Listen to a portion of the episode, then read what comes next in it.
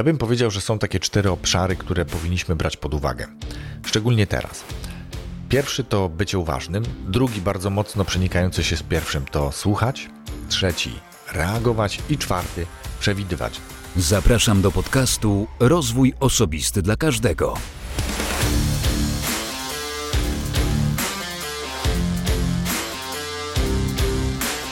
Cześć, ja nazywam się Wojtek Struzik, a Ty słuchać będziesz właśnie 184 odcinka podcastu Rozwój Osobisty dla Każdego, który nagrywam dla wszystkich zainteresowanych świadomym i efektywnym rozwojem osobistym. W ostatnim odcinku, o numerze 183, mówiłem o mocy checklisty, o mocy płynących z checklist. Do czego one służą, jak je konstruować, jakich narzędzi używać do ich konstruowania. Poleciłem również dwie książki, z czego jedną znam bardzo dobrze. Więc jeśli nie słuchałeś jeszcze tego odcinka, nie słuchałaś, to serdecznie do tego namawiam. Wierz mi, to naprawdę całkiem dobre i myślę, że niedoceniane narzędzie. Dziękuję również patronom, którzy dzielnie wspierają podcast, a nawet podcasty, bo zarówno rozwój osobisty dla każdego, jak i bajkowy podcast, za co bardzo, bardzo gorąco Wam dziękuję. Dzięki Wam powstają nowe odcinki, dzięki Wam ten podcast rozwija się. Dlatego, jeśli Ty chcesz dołączyć do grona patronów, to gorąco Cię do tego namawiam. Wystarczy, że wejdziesz na stronę patronite.pl łamane przez ROTK i wybierzesz tam dogodny dla siebie próg wsparcia. A ja Tradycyjnie bardzo Ci za to dziękuję. No dobrze, przejdźmy zatem do dzisiejszego odcinka. Dzisiaj zainspirowany pewnym warsztatem, tudzież wystąpieniem, które miałem okazję i przyjemność poprowadzić, chcę podzielić się kilkoma refleksjami i być może zainspirować Cię do tego, że warto edukować się w kontekście bycia liderem, przywódcą, menedżerem, osobą, która współpracuje w mniejszych i większych zespołach z ludźmi.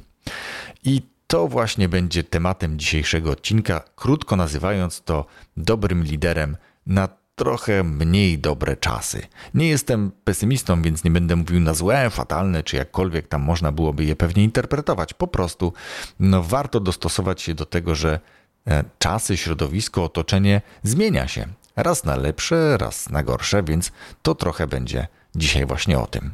I przyznam, że też trochę spodobały mi się słowa człowieka, którego nie do końca w Polsce chyba znamy, a jeśli znamy, to pewnie to, czym on się zajmuje, nie jest jeszcze, nie jesteśmy chyba jeszcze na to gotowi i ja też mam mieszane odczucia. Natomiast bardzo spodobał mi się cytat, który trafiłem, e, na który trafiłem w internecie i pozwól, że go tutaj przytoczę, a pewnie już się domyślisz, kto jest jego autorem. Jak nie, to oczywiście, że powiem. I oto ten cytat. Dobre czasy tworzą słabych ludzi. Słabi ludzie tworzą złe czasy. Złe czasy tworzą silnych ludzi. Silni ludzie tworzą dobre czasy. Autorem tych słów jest Tony Robbins i trudno się z nimi nie zgodzić. No ale przejdźmy do rzeczy. Tu pasuje też takie słowo, słowo sentencja, której autora nie pamiętam i nie znalazłem, więc jeśli kojarzysz, to będzie super, jak mi dasz znać. Natomiast brzmi to mniej więcej w ten sposób, że dobrego lidera poznamy po tym, jak radzi sobie w szczególnych, w trudnych chwilach, w trudnych warunkach, bo przecież łatwo się e, zarządza ludźmi w momencie, kiedy wszystko idzie dobrze, kiedy są dobre wyniki, dobre otoczenie, kiedy wszyscy chcą pracować i tak dalej. W momencie, kiedy jednak dzieje się trochę inaczej, a powoli jesteśmy w takim, na takim etapie, to jakość przywództwa, jakość zarządzania tych lepszych liderów widać od razu. W dzisiejszych czasach, jakkolwiek to zabrzmi, czy też zabrzmiało, największymi wyzwaniami mogą być takie rzeczy, które zebrałem po zapoznaniu się z kilkoma, e, a nawet kilkunastoma chyba artykułami dość obszernymi w tym temacie. Otóż największymi wyzwaniami są duża zmienność otoczenia, to niezaprzeczalnie. Trudno powiedzieć, że to jest tych czasów, bo zmienność otoczenia występuje już od dekad, bym powiedział. E, całe stulecia niemalże ostatnie to bardzo duża zmienność otoczenia, czyli rynków, otoczenia, w którym bezpośrednio działamy, biznesowego czy, czy zawodowego. Większa niestabilność i złożoność środowiska. Niestabilność, znowu powiem, ta niestabilność też waha się i nie jest y, czymś zupełnie nowym i zaskakującym. Nie jest też czymś, co można sobie przypisać do właśnie tych czasów, które, których doświadczamy. Trudności wynikające z różnicy pokoleń chyba wyraźniejsze niż we wszystkich innych dotychczasowych e, różnicach pokoleń, bo one zawsze występowały. Są przecież nawet całe opracowania, a nawet słowa piosenek, które do tego się odnoszą, ale faktycznie te najmłodsze pokolenia, które właśnie wchodzą na rynek pracy, myślę, że bardzo pozytywnie go zmieniają swoim szczególnym podejściem, o którym troszeczkę powiem później. E, w związku z tym, co się dzieje, również wysoka fluktuacja jest dużym wyzwaniem, czyli jak sobie radzić, żeby ta fluktuacja nie była duża, no bo przecież jest ona niesamowicie dużym kosztem dla każdej organizacji. Szacowanym mniej więcej na poziomie między 80 a 120% rocznego wynagrodzenia osoby, która odchodzi z mm, no, trochę z winy pracodawcy, tak to nazwijmy.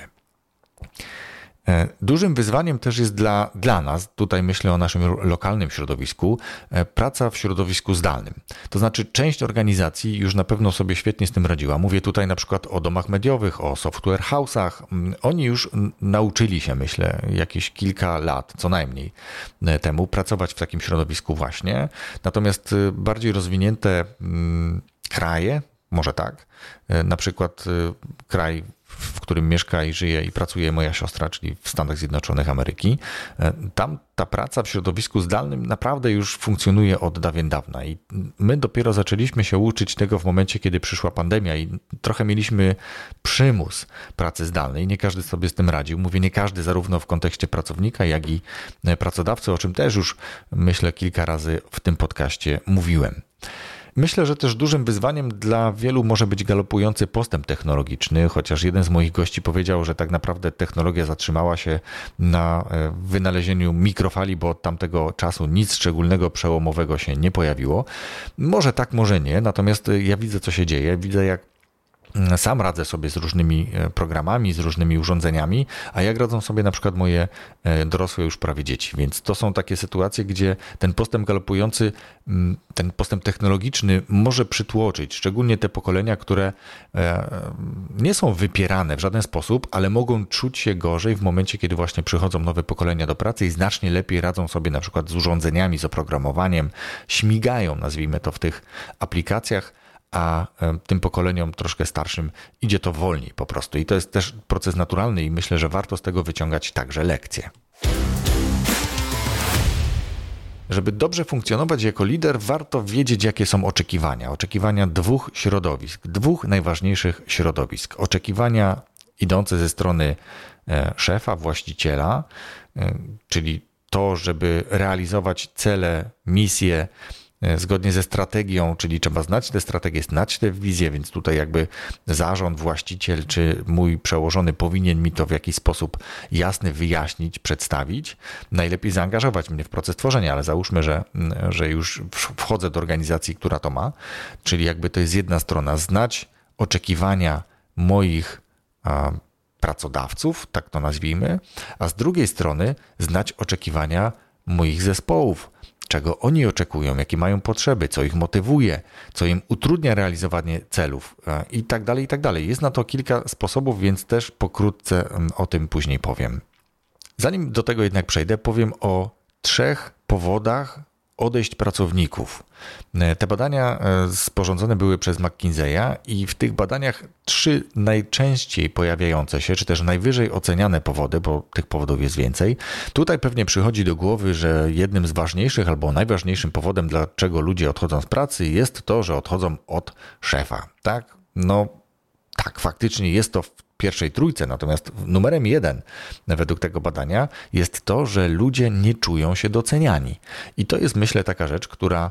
Mm, trochę nam ciąży. Mówię nam jako liderom, menadżerom, dlatego że jeżeli ktoś był uczony na przykład 10, 15, 20 lat temu zarządzania ludźmi, to wtedy duży nacisk kładło się na to, że masz doceniać rezultat, a nie starania, bo starania to jeszcze o niczym nie świadczą. Dzisiaj jest jednak tak, że warto i należy doceniać starania, bo teraz zobacz, taka konotacja, jak jest malutkie dziecko, maleńkie, e, dopiero stawia pierwsze kroki, rozrabia, bałagani, ale my się cieszymy, bo poznaje, eksploruje, uczy się, rozwija i doceniamy każde staranie, każde podjęte działanie bez względu na to, jaki jest rezultat.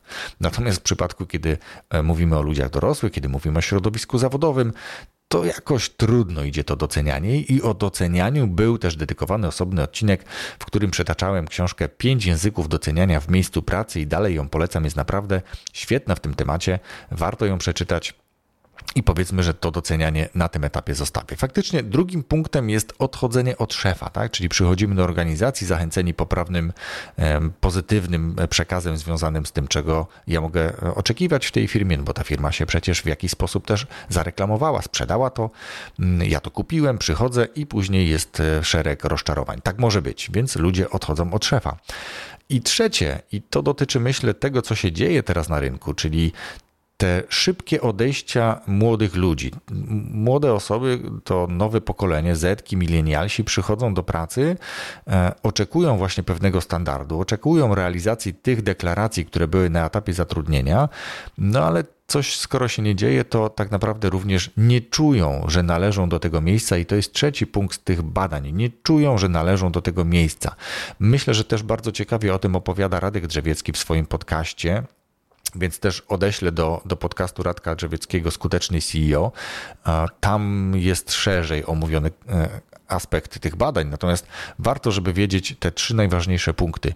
Ludzie odchodzą dlatego, że nie czują się doceniani, możemy coś z tym zrobić. Odchodzą od szefa, również możemy coś z tym zrobić, powinniśmy to robić. I nie czują, że należą do tego miejsca, czyli nie ma atmosfery, która powoduje, że chce się przyjść do pracy, socjalizować, realizować jakieś wyniki, być częścią większego projektu i tak dalej, i tak. Myślę, że to nie są naprawdę bardzo trudne rzeczy, ale warto zadbać o to, żeby zorientować się i spowodować, spowodować, że te trzy punkty nie będą miały już takiego wielkiego znaczenia. I co ciekawe, tylko dodam, żaden z tych trzech punktów nie mówi nic o pieniądzach. Ci ludzie nie oczekują niesamowitych wynagrodzeń. Dla nich ważniejsze są właśnie te trzy aspekty. Chcą być doceniani, chcą mieć e, autentycznego, realizującego deklarację szefa, ale też chcą należeć do tego miejsca, chcą być częścią tej społeczności. W momencie, kiedy nic nie robimy z tym tematem, kiedy właśnie nie wpływamy pozytywnie na, mm, na dobrą atmosferę pracy, kiedy odchodzimy od realizowania deklaracji związanych, czy te, tych, które czyniliśmy w momencie zatrudnienia, to tak naprawdę przyczyniamy się do tego, że generalnie ma to niezaprzeczalny wpływ, negatywny wpływ na wynik finansowy przedsiębiorstwa. Ma to również wpływ na markę tego przedsiębiorstwa, bo przecież często osoby, często, no jednak często osoby, które odchodzą z firmy i są rozczarowane, rozżalone albo wręcz skrzywdzone, bo takimi się też mogą czuć, to wtedy pozostawiają adekwatną opinię w miejscach i portalach, które służą do oceniania pracodawców. No i ktoś, kto świadomy, szuka pracy, widzi jakąś ofertę całkiem interesującą, sprawdza sobie jeszcze na takich portalach, coraz bardziej się już tego uczymy, jak faktycznie przez pracowników, tudzież byłych pracowników ten e, pracodawca jest oceniany, więc to wpływa na wizerunek marki tego przedsiębiorstwa, tej firmy. No i oczywiście wpływa to również na dużą fluktuację, czy też rosnącą, zwiększoną, a fluktuacja, o czym powiedziałem, wpływa również na wynik finansowy, bo koszt odejścia pracownika jest naprawdę bardzo, bardzo duży. Odejścia pracownika, tudzież zastąpienia go nowym, tak, czyli cały proces rekrutacji, który jest kosztownym procesem, proces onboardingu, wdrożenia, a później, no, no powiedzmy, znowu odejścia, więc jakby to jest naprawdę a jeśli nic się nie zmieni w tym kierunku, to jest to wyrzucanie pieniędzy.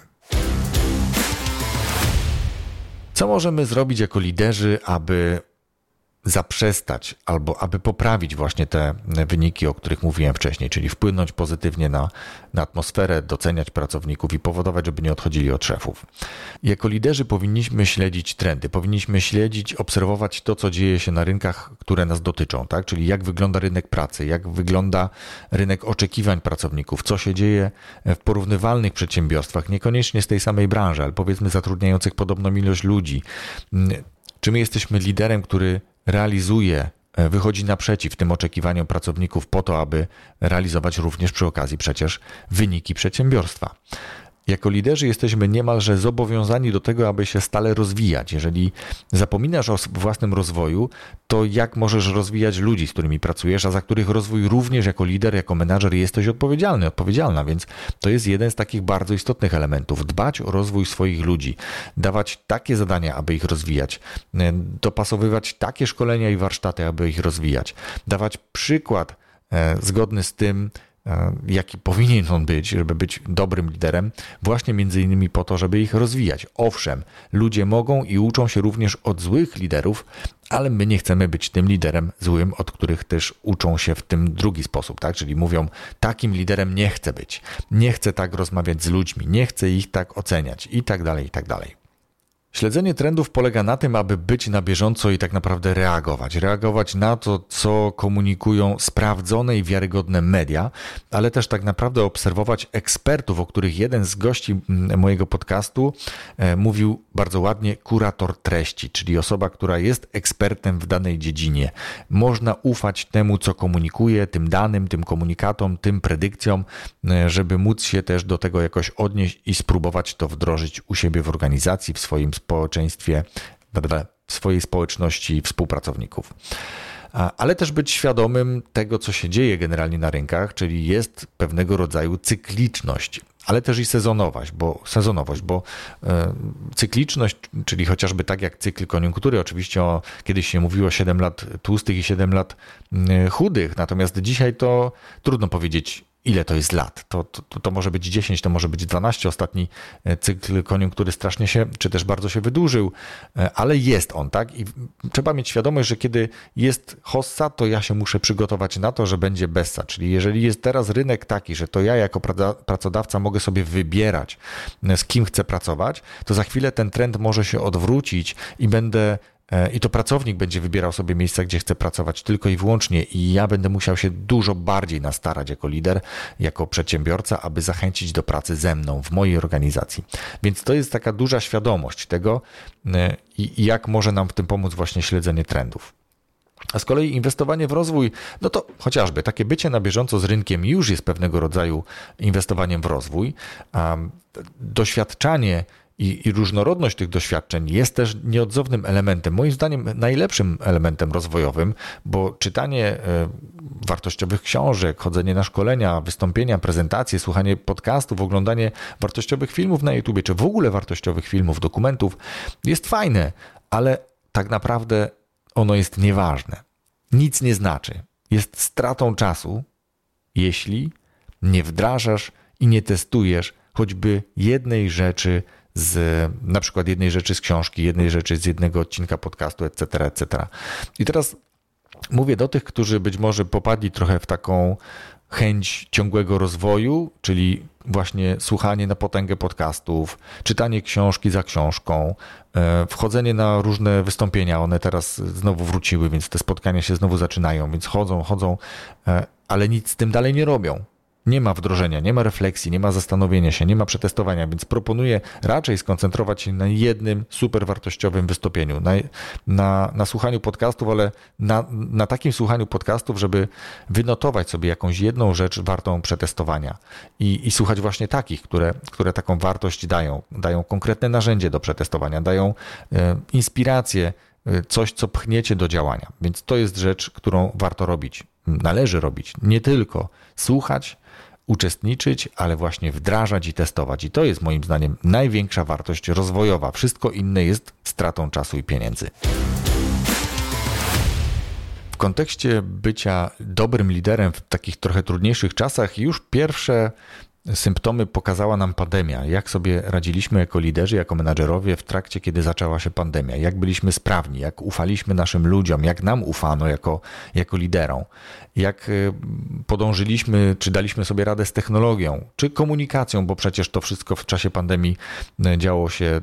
To nigdy wcześniej tego nie doświadczyliśmy. Ja ni, nigdy wcześniej nie doświadczyłem tego, co się działo w pandemii, natomiast miałem ten plus, że pracowałem dalej z biura. Były ograniczenia, były pleksy, były dezynf było dezynfekowanie e, zarówno jakby siebie, czyli dłoni, maseczki. Pracowaliśmy również w maseczkach momentami, więc to wszystko się działo, tego się uczyliśmy, ale to, co się działo również jako niepokojące, to to, że niektórzy menadżerowie nie potrafili obdarzyć swoich współpracowników, nie będę ich nazywał podwładnymi, tylko współpracowników bez względu na relację e, zawodową nie potrafili ich obdarzyć zaufaniem, e, to wtedy ten poziom kontroli wzrósł do takiego poziomu ekstremalnego. E, to były nagłe kontrole, nagłe łączenie się, teraz potrzebujecie zobaczyć i tak dalej. Więc to, to jest coś, co dla mnie było niespotykanym. Jak można w taki sposób podchodzić do, do pracy z ludźmi, z którymi się pracuje, nieważne jak długo. Ja wychodzę z założenia, że jeżeli kogoś przyjmujemy do organizacji, to dajemy mu plecak pełen naszego zaufania. Skoro przeszedł poprawnie proces rekrutacji, to znaczy, że sprawdził się, ma jakieś kompetencje, potrafił nas do siebie przekonać. My przekonaliśmy go do siebie, więc dlaczego on ma jeszcze dalej zapracowywać na zaufanie naszą permanentną kontrolą? Nie, dajemy plecak pełen zaufania i mówimy: tam masz 100%. Zrób, żeby było 100%. Jak będziesz miał 80%, nie martw się, jesteś na etapie wdrożenia, uczysz się te rzeczy, uczysz się organizacji, uczymy się siebie nawzajem. Jak będziesz miał 120%, to będzie genialnie. Ale pamiętaj, masz to już ode mnie, jesteś tutaj. Masz moje wsparcie, to jest moje zaufanie do ciebie a nie odwrotnie. Masz tu pusty plecak i haruj, rób, e, zostawaj dłużej, pokazuj, że jesteś super wybitny, odróżniasz się i będziesz sobie tam powolutku, powolutku zbierał to zaufanie. Nie, nie róbcie w ten sposób. Naprawdę nie warto. To takie wszystko duże uogólnienie. Natomiast chcę dać kilka takich wskazówek, inspiracji do tego, że, że warto jakby popatrzeć na siebie jako lidera, mm, który powinien się ciągle rozwijać i przyjrzeć temu, w jaki sposób dzisiaj te relacje wyglądają. Więc jak można uzdrawiać tak naprawdę swoje podejście do zespołów, jak można uzdrawiać swoje podejście do rozwoju swojego własnego i swoich zespołów, swoich współpracowników. Ja bym powiedział, że są takie cztery obszary, które powinniśmy brać pod uwagę, szczególnie teraz. Pierwszy to bycie uważnym, drugi bardzo mocno przenikający się z pierwszym to słuchać, trzeci reagować i czwarty przewidywać. Uważność, czyli takie skupienie się na, na tym zespole, na tym pracowniku, na tym współpracowniku tu i teraz. Jeżeli on przychodzi z jakąś potrzebą, to jesteśmy do jego dyspozycji. Pamiętaj, liderze, że nie jest zespół dla ciebie, a ty jesteś dla zespołu.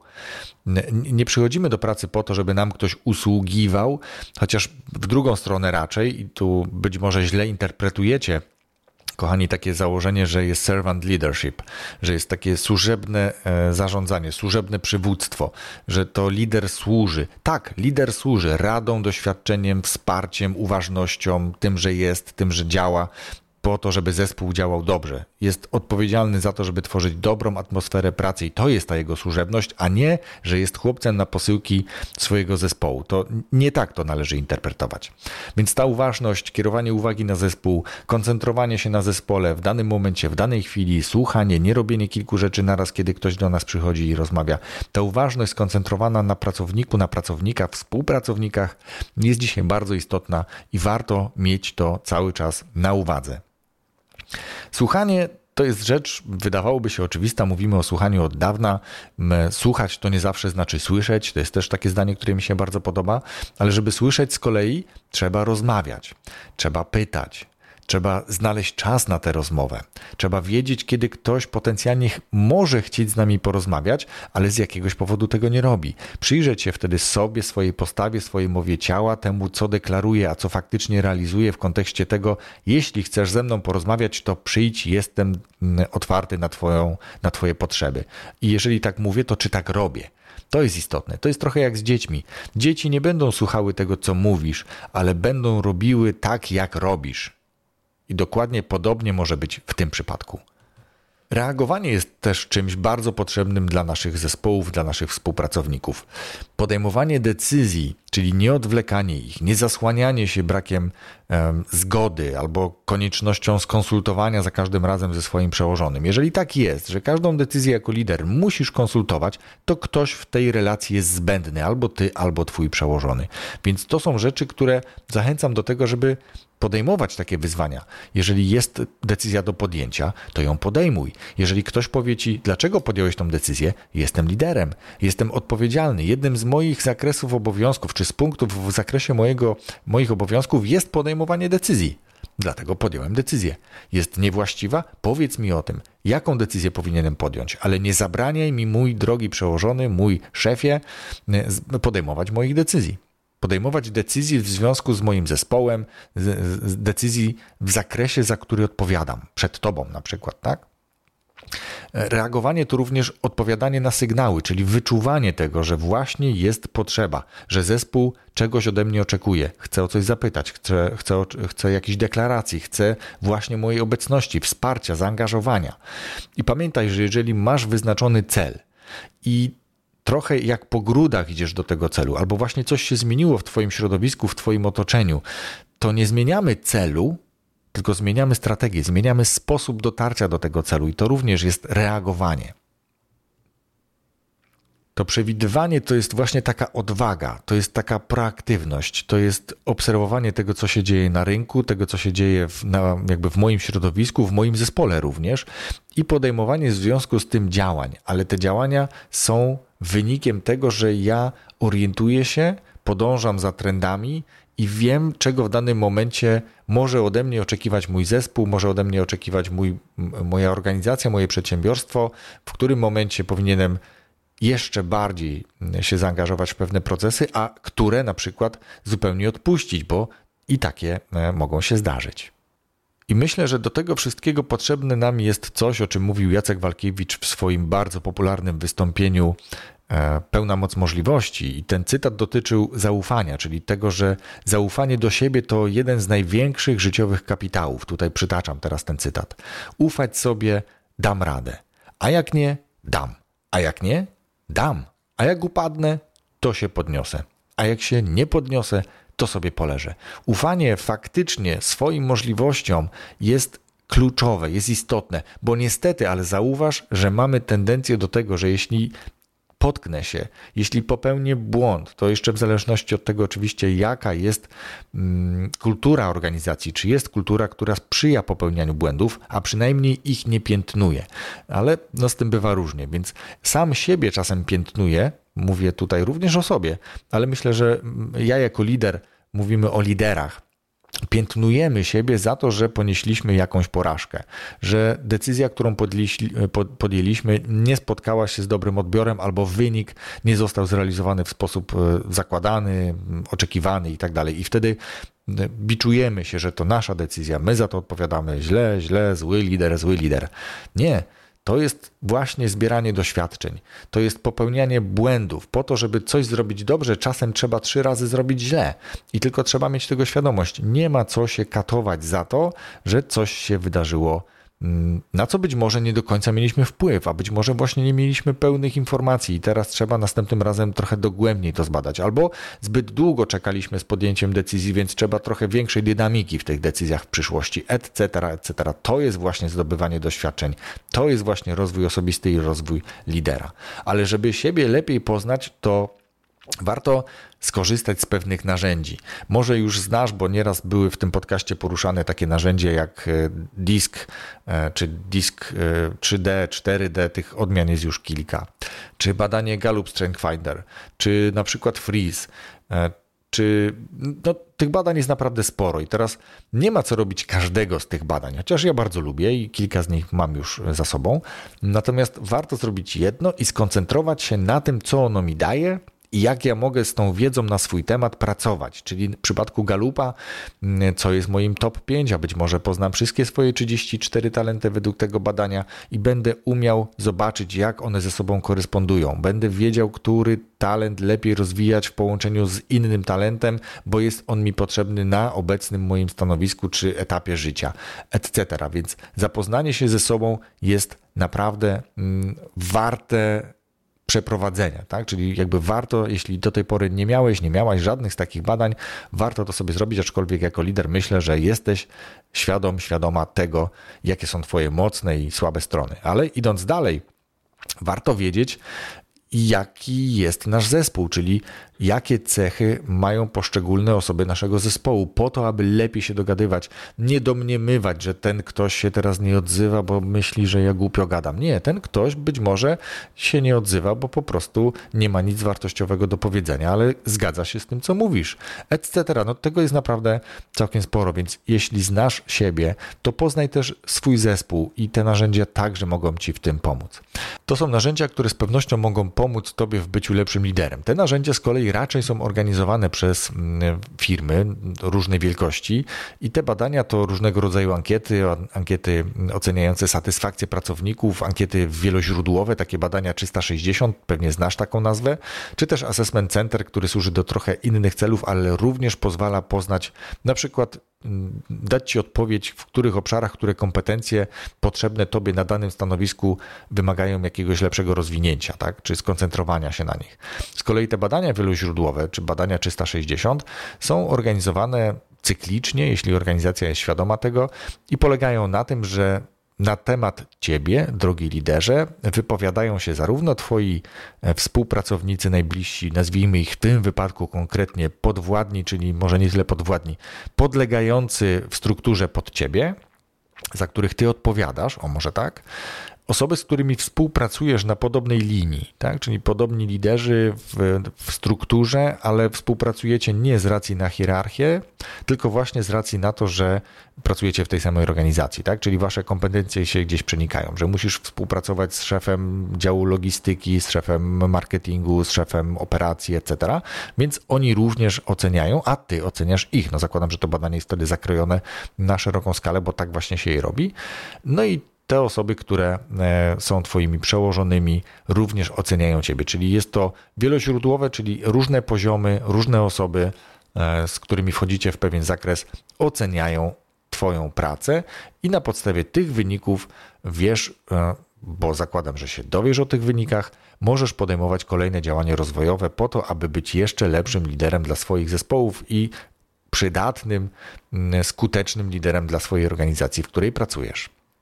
Zmierzając powoli do końca, myślę, że też dużą, dużą zaletą jest świadomość potrzeby samorozwoju. Jeżeli masz taką świadomość, rozwijasz się na co dzień, angażujesz w rozwój swoich pracowników, współpracowników, to jest to naprawdę duża zaleta i powinna być, myślę, cechą charakterystyczną każdego świadomego lidera dążenie do bycia lepszym w pewnych obszarach.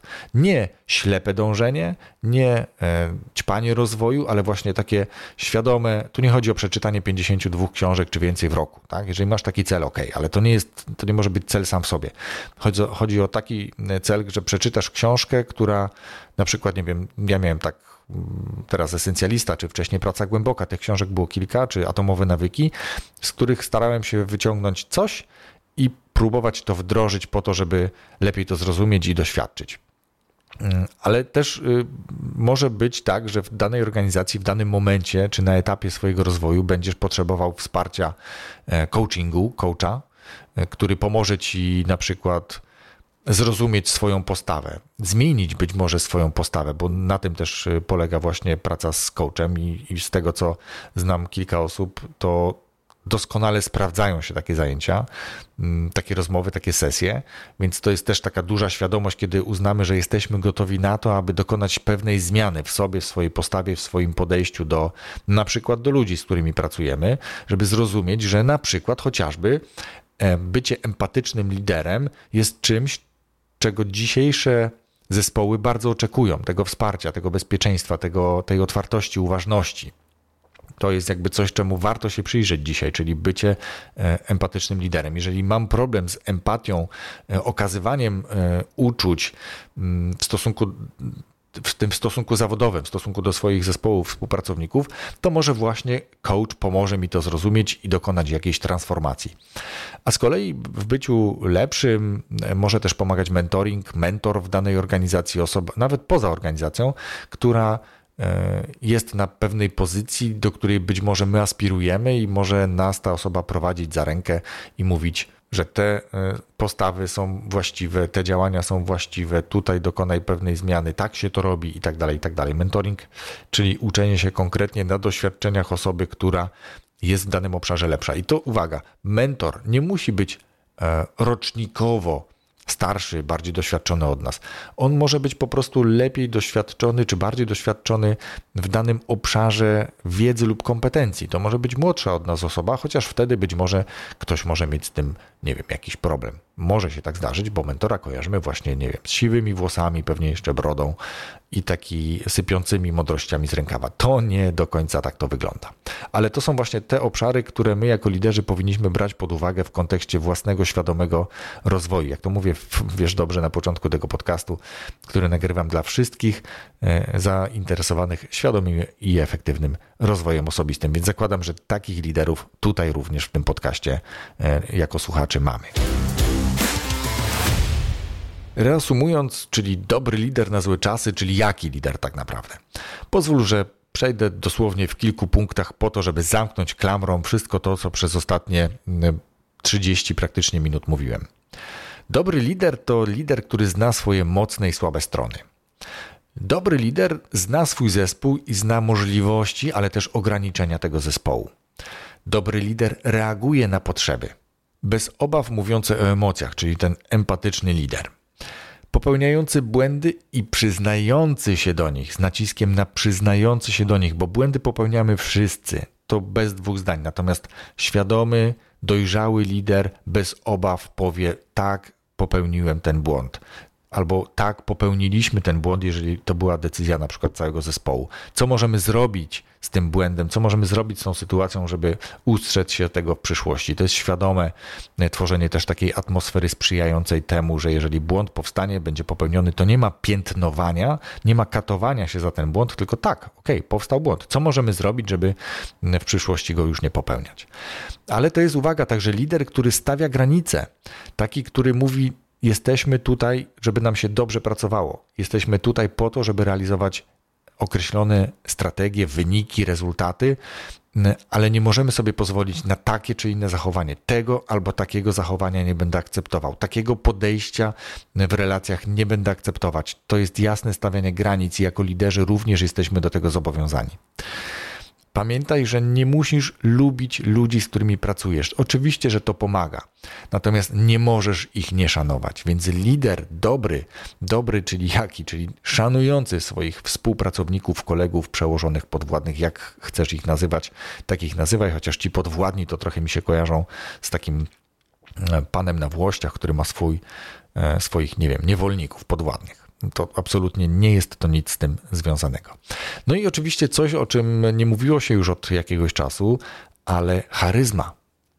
Lider, który ma charyzmę, jest liderem, który daje poczucie też bezpieczeństwa lider, który pokazuje swoją siłę, lider, który pokazuje również swoją słabość. Charyzma jest też nieodzownym elementem i uwaga, charyzmy, podobnie jak empatycznego zarządzania, można się nauczyć.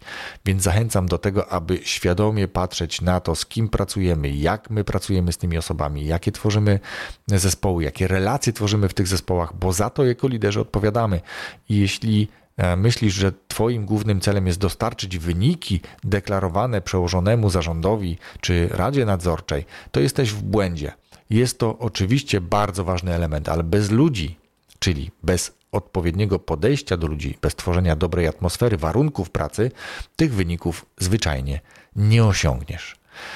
I tym oto akcentem bardzo dziękuję za wysłuchanie tego odcinka. E, dziękuję również za możliwość podzielenia się tymi swoimi doświadczeniami i przemyśleniami.